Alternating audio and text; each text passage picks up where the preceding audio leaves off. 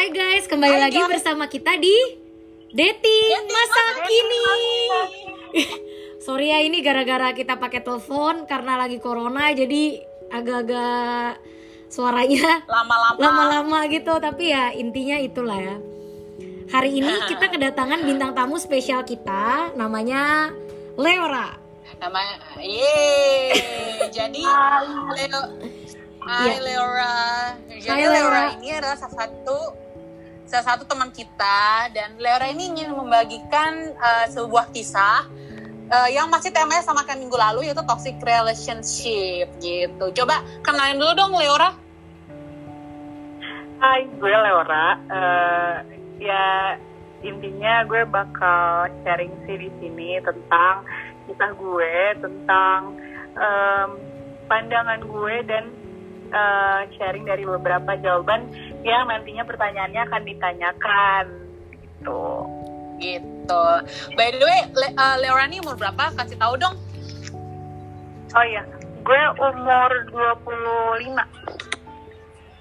Oh, Leora Oke. umur 25. Oke. Jadi tanpa babi bu, kita langsung lanjut ke pertanyaan pertama. Pasti para pendengar, para listener sudah penasaran kan tentang kisah cerita Leora ini. Oke? Oke.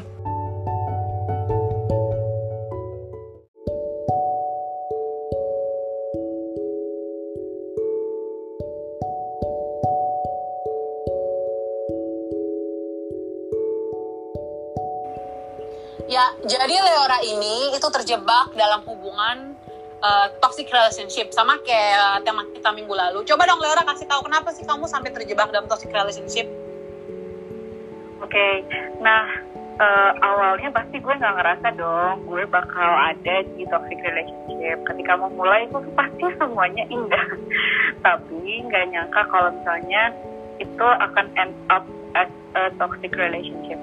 Jadi kayak awalnya indah, apalagi pas PDKT lah ya, itu adalah masa-masa terbaik. nah terus makin dijalanin, makin dijalanin, pokoknya intinya gue makin kehilangan teman-teman gue gue makin kehilangan eh, waktu kerja gue gue makin kehilangan waktu untuk gue bisa fokus sama eh, kuliah gue gitu. Karena gue masih kuliah juga sekarang. Dan eh, gue mengalami eh, banyak kemunduran gitu. Gue menghabiskan waktu dengan posesif sama mantan gue. Gue menghabiskan waktu dengan galau.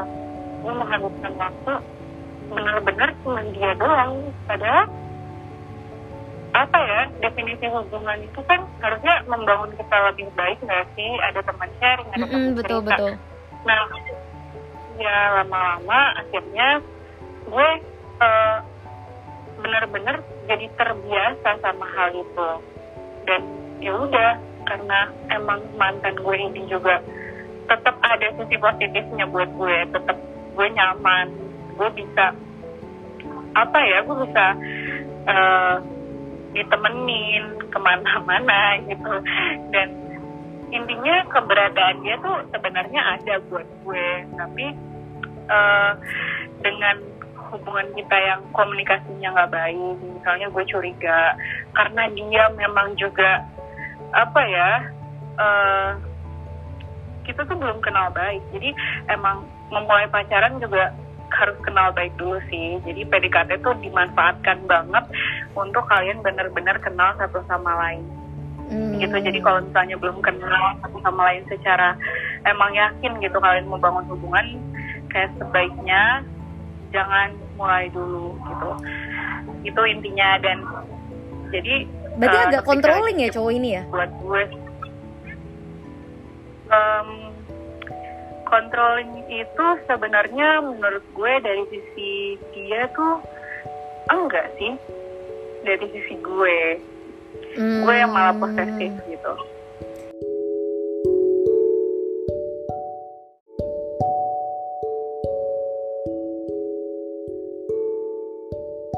Dan Leora kalau gue boleh kalau gue boleh tahu nih, lu kira-kira pernah nggak melakukan sesuatu yang maksud gue lo itu bukan lo banget tapi kayak emang terpaksa lo lakuin karena emang mungkin sama mau atau mungkin kayak terpengaruh sama dia juga. Mungkin dia bujuk rayu lo atau kayak karena lo bucin banget deh intinya. Pernah nggak kayak gitu? Oke. Jadi emang menurut gue toxic relationship itu juga membuat kita melakukan hal-hal yang sampai di luar nalar, yang sampai bahkan kita nggak jadi diri kita sendiri, bahkan kayak kita tuh bisa ngelakuin hal-hal yang di luar prinsip kita, yang sampai kita tuh berani untuk break the rules gitu. Kayak biasanya kita nggak mau ngelakuin itu sampai kita mau gitu. Karena gue nggak mau kehilangan dia gitu. bucin ya Iya, ini iya. ada bucin gak sih sebenarnya gue pribadi sih eh, gimana ya gue tuh jadi intinya gue juga berhubungan sama dia itu karena gue juga punya em, intensi yang ya udahlah jalanin aja main-main aja gitu loh gue tuh nggak yang serius-serius banget juga karena jadi gini gue sama mantan gue itu beda agama juga Hmm. sebenarnya perbedaannya nggak terlalu nggak terlalu apa ya kontras kalau orang bilang Tuhannya masih sama gitu loh jadi gue Kristen Protestan dia Katolik Oh, jadi kayak oke. sebenarnya sama tapi ya tetap aja gitu. Nah terus dia juga lebih muda ya. Aduh berondong. Oh jadi ini brondong Nah, cowok iya, ini? gitu. iya. Oh. Oke oke. Oh, dan- tapi emang apa ya? Oh, eh, kalau gue boleh tahu, kalau gue boleh tahu hal itu apa yang sampai hal yang bukan lo banget, yang bukan prinsip lo, sampai lo lakuin itu apa? Oke, jadi intinya eh, kompromi gitu. Jadi kompromi adalah eh, tentang melakukan seks gitu. Nah, tapi coba nih ya buat temen-temen yang masih close minded, gue mau nanya dulu nih perspektif kalian nih ya soal seks itu apa? Gitu. Eh, Mau lo, mau lo, oh, gue nggak mau bilang teman-teman yang close minded juga.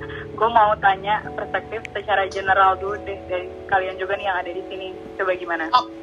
Kalau gue mau dulu apa Santi atau dulu nih? Dulu. gue dulu apa Lo Santi dulu nih? gue dulu. ya gue dulu ya.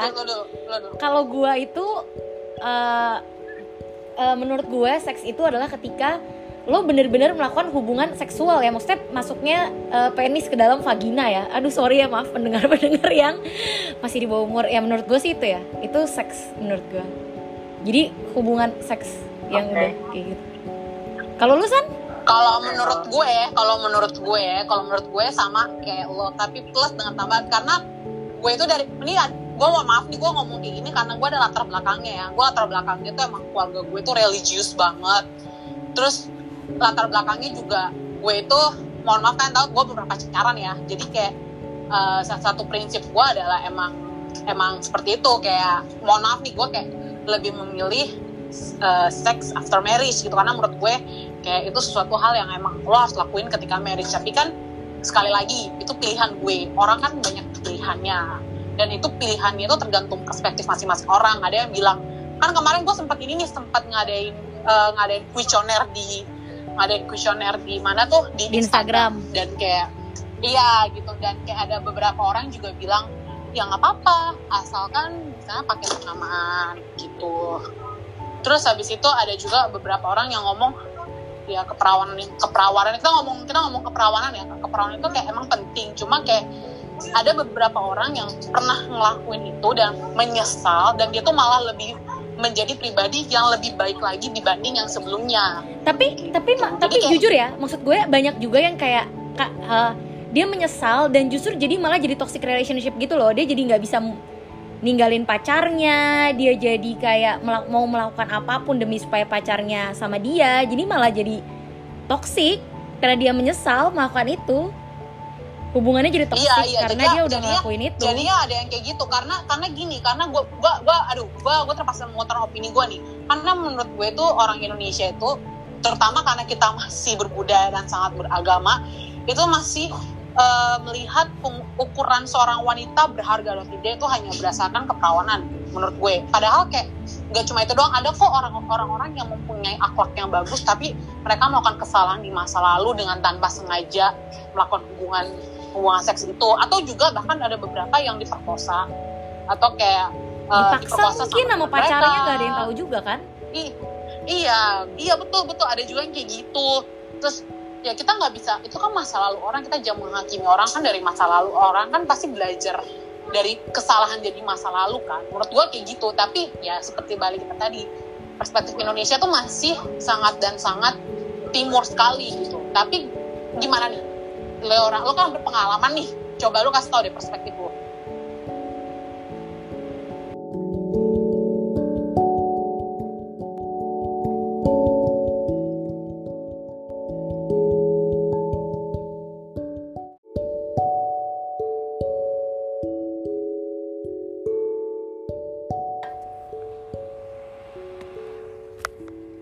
Oke, nah jadi kalau kalian udah jawab, thank you banget. Nah, ini gue akan membagikan perspektif gue.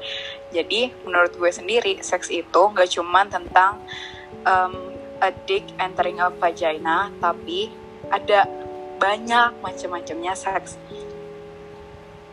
Mungkin gue sendiri nggak bisa menjelaskan secara hmm, apa ya, secara ilmiah ataupun ya itu adalah istilah-istilah kesehatan yang lain yang gue juga uh, mungkin gak berkapasitas untuk uh, menjelaskan tapi um, jadi gue itu nggak tahu kalau ternyata oke okay, I'm doing an oral sex jadi oral sex adalah uh, atau kalian bisa jelasin browsing gue sendiri ya oke okay, mereka bisa browsing sendiri lah intinya oral sex oke okay. Iya. kita nggak memberikan okay. apa briefing tentang sex education. Okay. Iya, jadi ja, iya ya, bukan ranahnya kita ya Iya. memberikan sex education. iya. Nah, jadi eh, gitu. Ini ini juga nggak akan memperluas imajinasi kalian. Iya, jadi udah kita lanjut aja. Sumpah gue ngakak Oke. Jadi em, gimana ya?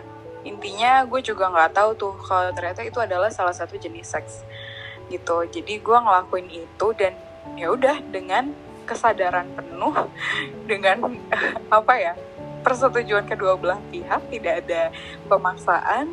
Jadi gue bisa bilang ini pun ya break the rules bener-bener em, mematahkan juga prinsip gue. Karena gue juga emang orang yang nggak mau gitu ngelakuin seks sebelum nikah. Dan ternyata I did it gitu. Karena apa? Karena awalnya gue nggak tahu ini salah satu bentuk seks.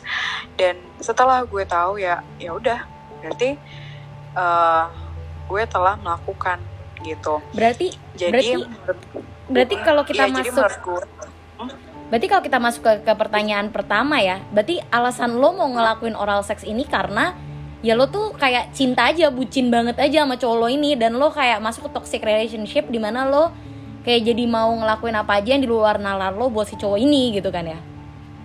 Betul banget dan Oke. gimana ya menurut gue nggak ada yang benar-benar bisa ngejudge.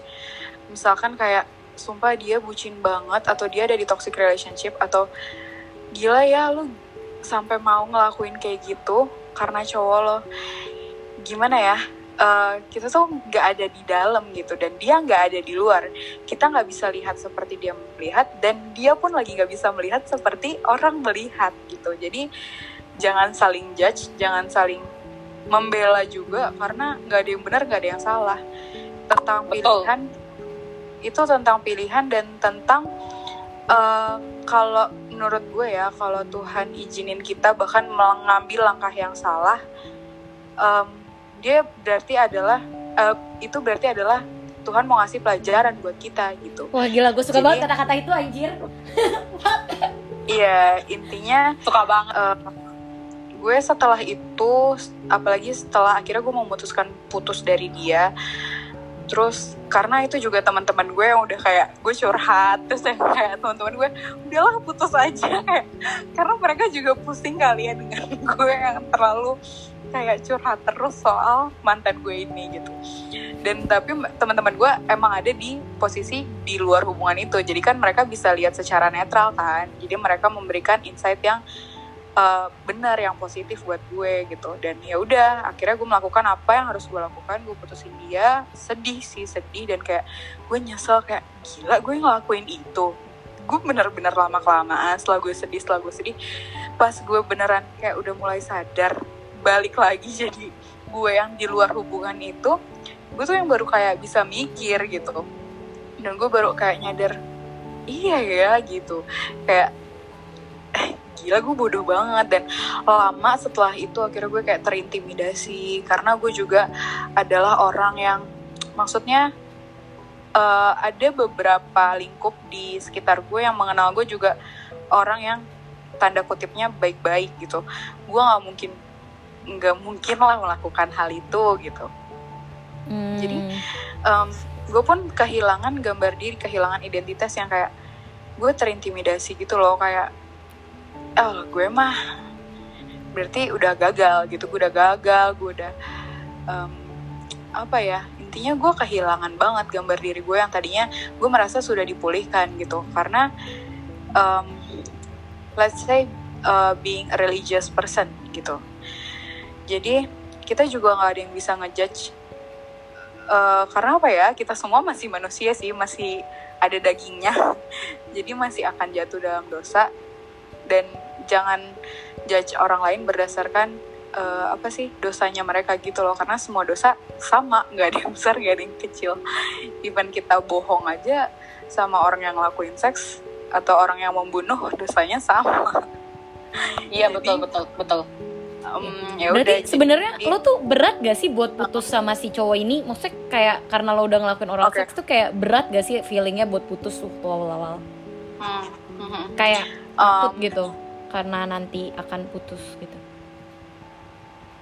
jelas iya jelas berat karena gue juga sampai yang, yang kayak mutusin dia tadinya nggak mau kalau nggak karena temen-temen gue yang benar-benar membantu gue itu juga pentingnya kita punya sekitar yang apa ya yang positif juga sih yang bisa ngertiin kita tapi dia membangun kita mau marah kayak mau dia apa ya gal kayak sama kita ya nggak apa-apa asal dia memberikan insight yang eh, Positif. positif buat kita gitu Mm-mm. Oke. oke. tapi Jadi- setelah lo tunggu Oke. sebentar gue mau nanya nih setelah lo kayak putus gitu sama dia Mm-mm. kan lo tadi kan lo cerita lo galau gitu kan pasti Hmm. ada masa-masa lo galau kayak tapi lo minder gak sih sama diri lo kayak gue udah ngelak kayak kan lo tadi cerita tadi gue udah ngelakuin tadi lo nggak nyangka lo ngelakuin itu gitu tapi lo kayak ada perasaan "Eh, ternyata gue udah nggak berharga nih ternyata gue udah ngelakuin ini gue tuh udah gue udah gak ada harga dirinya lagi sama, sama perempuan.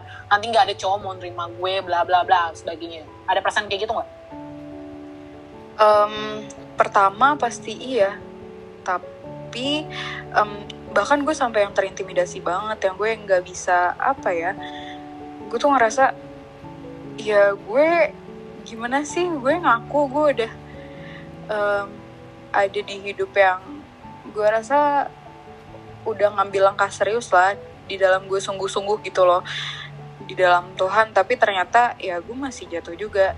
Dan itu yang membuktikan gue kalau yang yang memberikan pelajaran juga ke diri gue kalau lu tuh masih manusia gitu. Jangan eh, apa ya jangan justru ngandelin kekuatan sendiri gitu. Jangan yang kayak gue udah bisa berarti gue udah sungguh-sungguh gitu. Enggak ini tuh gue ngerasa gue dikasih di saat itu gue ngerasa gue dikasih pelajaran kalau lu tuh berarti masih ngandelin kekuatan lo sendiri gitu.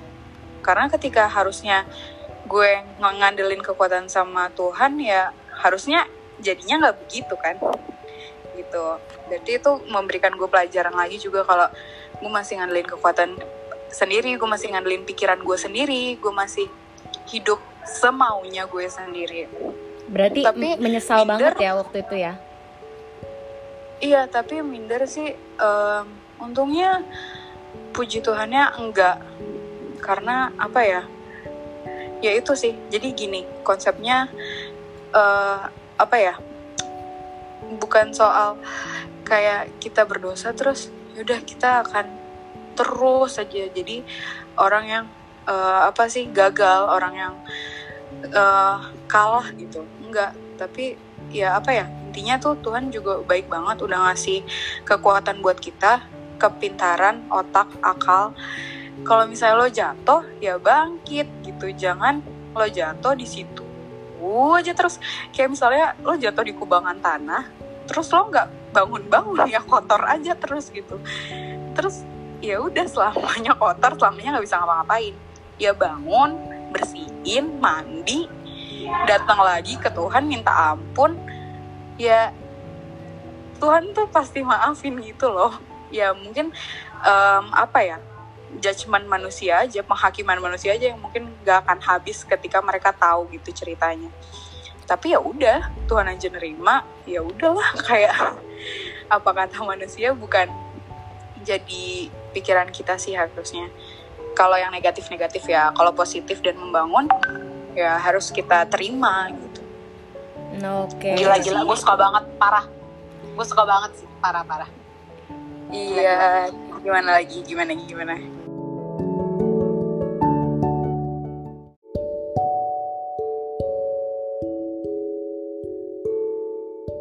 Oke, uh, Leora, I found this is very interesting for me. Oke, Uh, lu kan mikir di, ke diri lo sendiri kalau you are still, uh, you are not virgin, even though you have doing oral sex, ya kan? Uh, kenapa lu bisa mikir kayak gitu? Why? Oke. Jadi em, sebelumnya gue udah jelasin juga eh, ataupun gue menanyakan pendapat ya sebelumnya Iya, iya. eh, ke Santi dan ke teman-teman yang lain kayak iya apa sih eh, definisinya perawan menurut teman-teman atau menurut kalian gitu kan nah eh, apa sih intinya perawan itu adalah hmm, kalau kata teman-teman ya adalah yang udah eh, yang belum belum Melakukan tanda seks. kutip dimasukin Ya. Dimasukin tanda kutip oke? Nah sedangkan tadi gue jelasin kan kalau ternyata seks itu bukan hanya tentang a dick entering a vagina tapi macamnya banyak oke? Jadi hmm, kalau misalnya dari perspektif teman-teman yang anggap kalau eh, seks itu hanya tentang ya dimasukin tanda kutip itu berarti gue masih terhitung sebagai um, a virgin gitu. Tapi kalau misalnya dari eh, perspektif teman-teman yang merasa seks itu banyak, ketika lo udah ngelakuin seks, ya ya udah, you are not a virgin anymore. Gitu. Ya balik lagi ke perspektif masing-masing sih. Jadi gue nggak menyalahkan kalau ada yang bilang gue perawan, ada yang bilang gue nggak perawan. Ya intinya sih, as long as um, itu nggak menjatuhkan gue ya ya udah nggak apa-apa gitu gue balik lagi ke prinsip gue sendiri apa yang gue tahu dan apa yang gue percaya kalau uh, apa yang udah gue lakuin itu ya memang sebuah kesalahan gitu. Tapi itu nggak mengurangi value gue gitu. Jadi gue tahu apa yang gue lakuin gue tahu apa yang gue percaya ya ya udah. Mungkin nextnya ya gue akan terbuka dengan em, calon gue nantinya. Pasti gue terbuka. Jadi em, ya udah itu balik lagi ke dia juga kan. Kalau dia bisa nerima ya udah. Kalau nggak bisa ya ya udah juga. Dan udah jadi bukan tentang kata orang-orang lain lagi gitu. Tentang dia bisa nerima atau enggak gue juga bisa nerima ya ya udah gitu. Apa urusannya orang lain kan? Sebenarnya gitu sih Oke oke. Nggak Bener banget sih sebenarnya. perspektif masing-masing iya Nah, kalau terakhir nih apa sih pesan lo buat orang-orang yang mungkin eh, punya kisah yang sama ya? Kayak ya mungkin kayak yang dia terjebak dalam toxic relationship terus dia nggak mau putus, yang dia ngerasa dirinya nggak berguna karena udah ngelakuin seks sama cowoknya. Menurut lo apa nih pesannya buat mereka? Em, pesan gue ya Mm-mm. pesan gue hmm, gue mungkin gak akan apa ya balik lagi kayak yang gue bilang tadi. Ketika kita di dalam hubungan itu kita nggak akan bisa mikir kayak orang yang ada di luar hubungan itu. Ketika kita ada di luar hubungan itu kita nggak akan bisa ngeliat atau mikir kayak orang yang ada di dalam hubungan itu. Jadi just live your life. Kayak jalanin aja ketika kalian ada di hubungan itu dan kalian ngerasa toxic ya udah. Mungkin kalian harus cerita sama teman-teman mungkin tapi yang kalian tahu bakal ngasih insight yang baik gitu yang membangun kalian. Yang tahu uh, kalian tuh sebenarnya prinsipnya gimana gitu yang yang know you guys so well intinya gitu deh. Dan apa ya pastinya uh, berdoa datang ke Tuhan itu nggak salah banget. Karena apa? Karena Tuhan itu mengampuni Tuhan itu sayang sama kita. Dan dengan itu apa ya kita akan ditunjukin juga pasti dituntun untuk yang seharusnya gimana. Kayak meskipun kita salah nih kita ngambil jalan yang lain kita datang ke Tuhan dia pasti nuntun kita lagi buat balik gitu. Intinya uh, surround yourself with um, positive vibes terus um, deketin diri ke Tuhan. Ya jangan malu untuk datang ke Tuhan itu sih. Karena ketika orang ngerasa ah gue udah kayak gini gue udah dosa segala macam terus udah abis itu malah jadi takut ketemu Tuhan takut berdoa takut uh, ibadah untuk apa minta ampun minta maaf. Itu jadinya salah. Itu jadinya akan uh, lama-lama ngurangin value kalian juga. Makin ngerasa udah udah gue rusak udah udah gue rusak gitu. Dan kalian akan makin ngelakuin hal-hal yang benar-benar jadi ngerusak kalian. Karena itu insight kalian gitu. Udah gue rusak gue rusak gue rusak. Gitu. Jadi kalian akan terus keep doing uh, toxic habits gitu. Itu akan jadi kebiasaan dan lama-lama ya udah jadi beneran makin rusak gitu. Jadi kita harus paham value kita gitu ya. Harus paham value kita dan kita harus kayak yakin bahwa kita itu berharga dan Tuhan tuh pasti maafin kita gitu. Jadi kayak ya kita tuh berharga Betul. seberharga itu. Jadi kita tuh nggak perlu malu nggak perlu minder nggak perlu kayak sedih sampai terpuruk sampai ngulangin. Jadi karena kita terpuruk jadi ngulangin habit-habit toxic relationship kita gitu kan.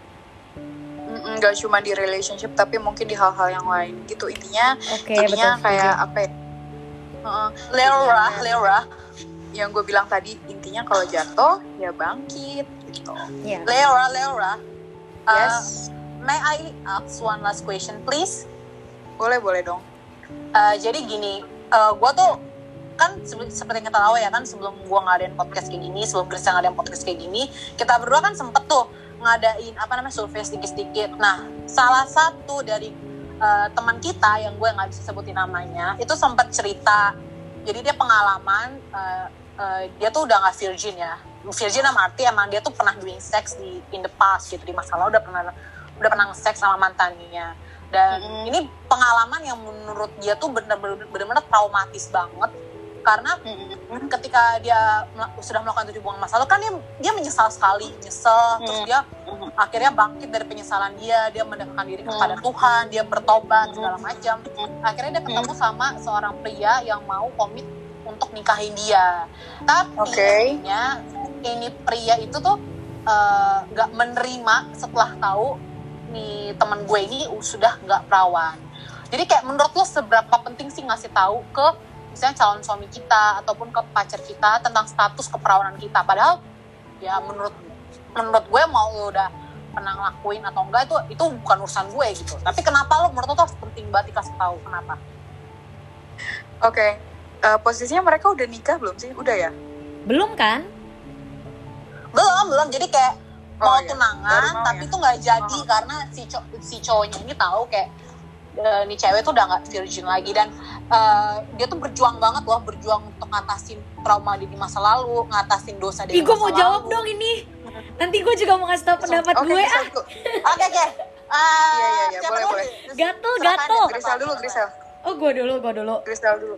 Ya uh, kalau menurut gue sih kalau cowoknya misalnya kayak uh, kayak gitu ya berpikir berarti kan dia hanya menilai si cewek ini dari perawan atau nggak perawan doang. Terus kalau dia nggak perawan si cowok ini nggak mau. Cowok kayak gitu ditinggalin aja sih kayak masih banyak cowok-cowok baik di luar sana yang mau terima lo walaupun lo udah nggak perawan yang justru menurut gue malah kayak gitu dia cuma ngeliat value dari si cewek ini dari perawan atau nggak perawan dia tuh nggak bener-bener cinta gitu sama lo.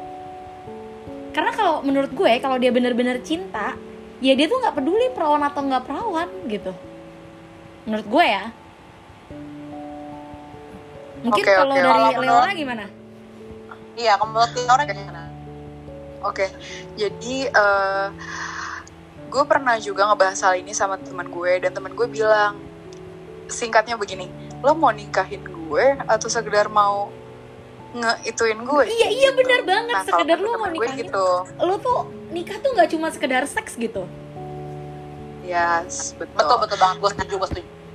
Ya, tapi balik lagi ya ke yang gue sharing tadi juga. Kalau menurut gue pribadi itu penting banget. Jadi nih even mau pacaran aja tadi gue bilang eh, sebaiknya sangat baik kalau kalian benar-benar kenal dulu. Apalagi ke jenjang hubungan yang setelahnya which is menikah. Gitu. Itu tuh benar-benar harus dipersiapin. Even hal-hal yang detail yang menurut kalian aib atau rahasia itu harus dibilang meskipun kalian punya penyakit apa penyakit kelamin kayak harus bilang gitu.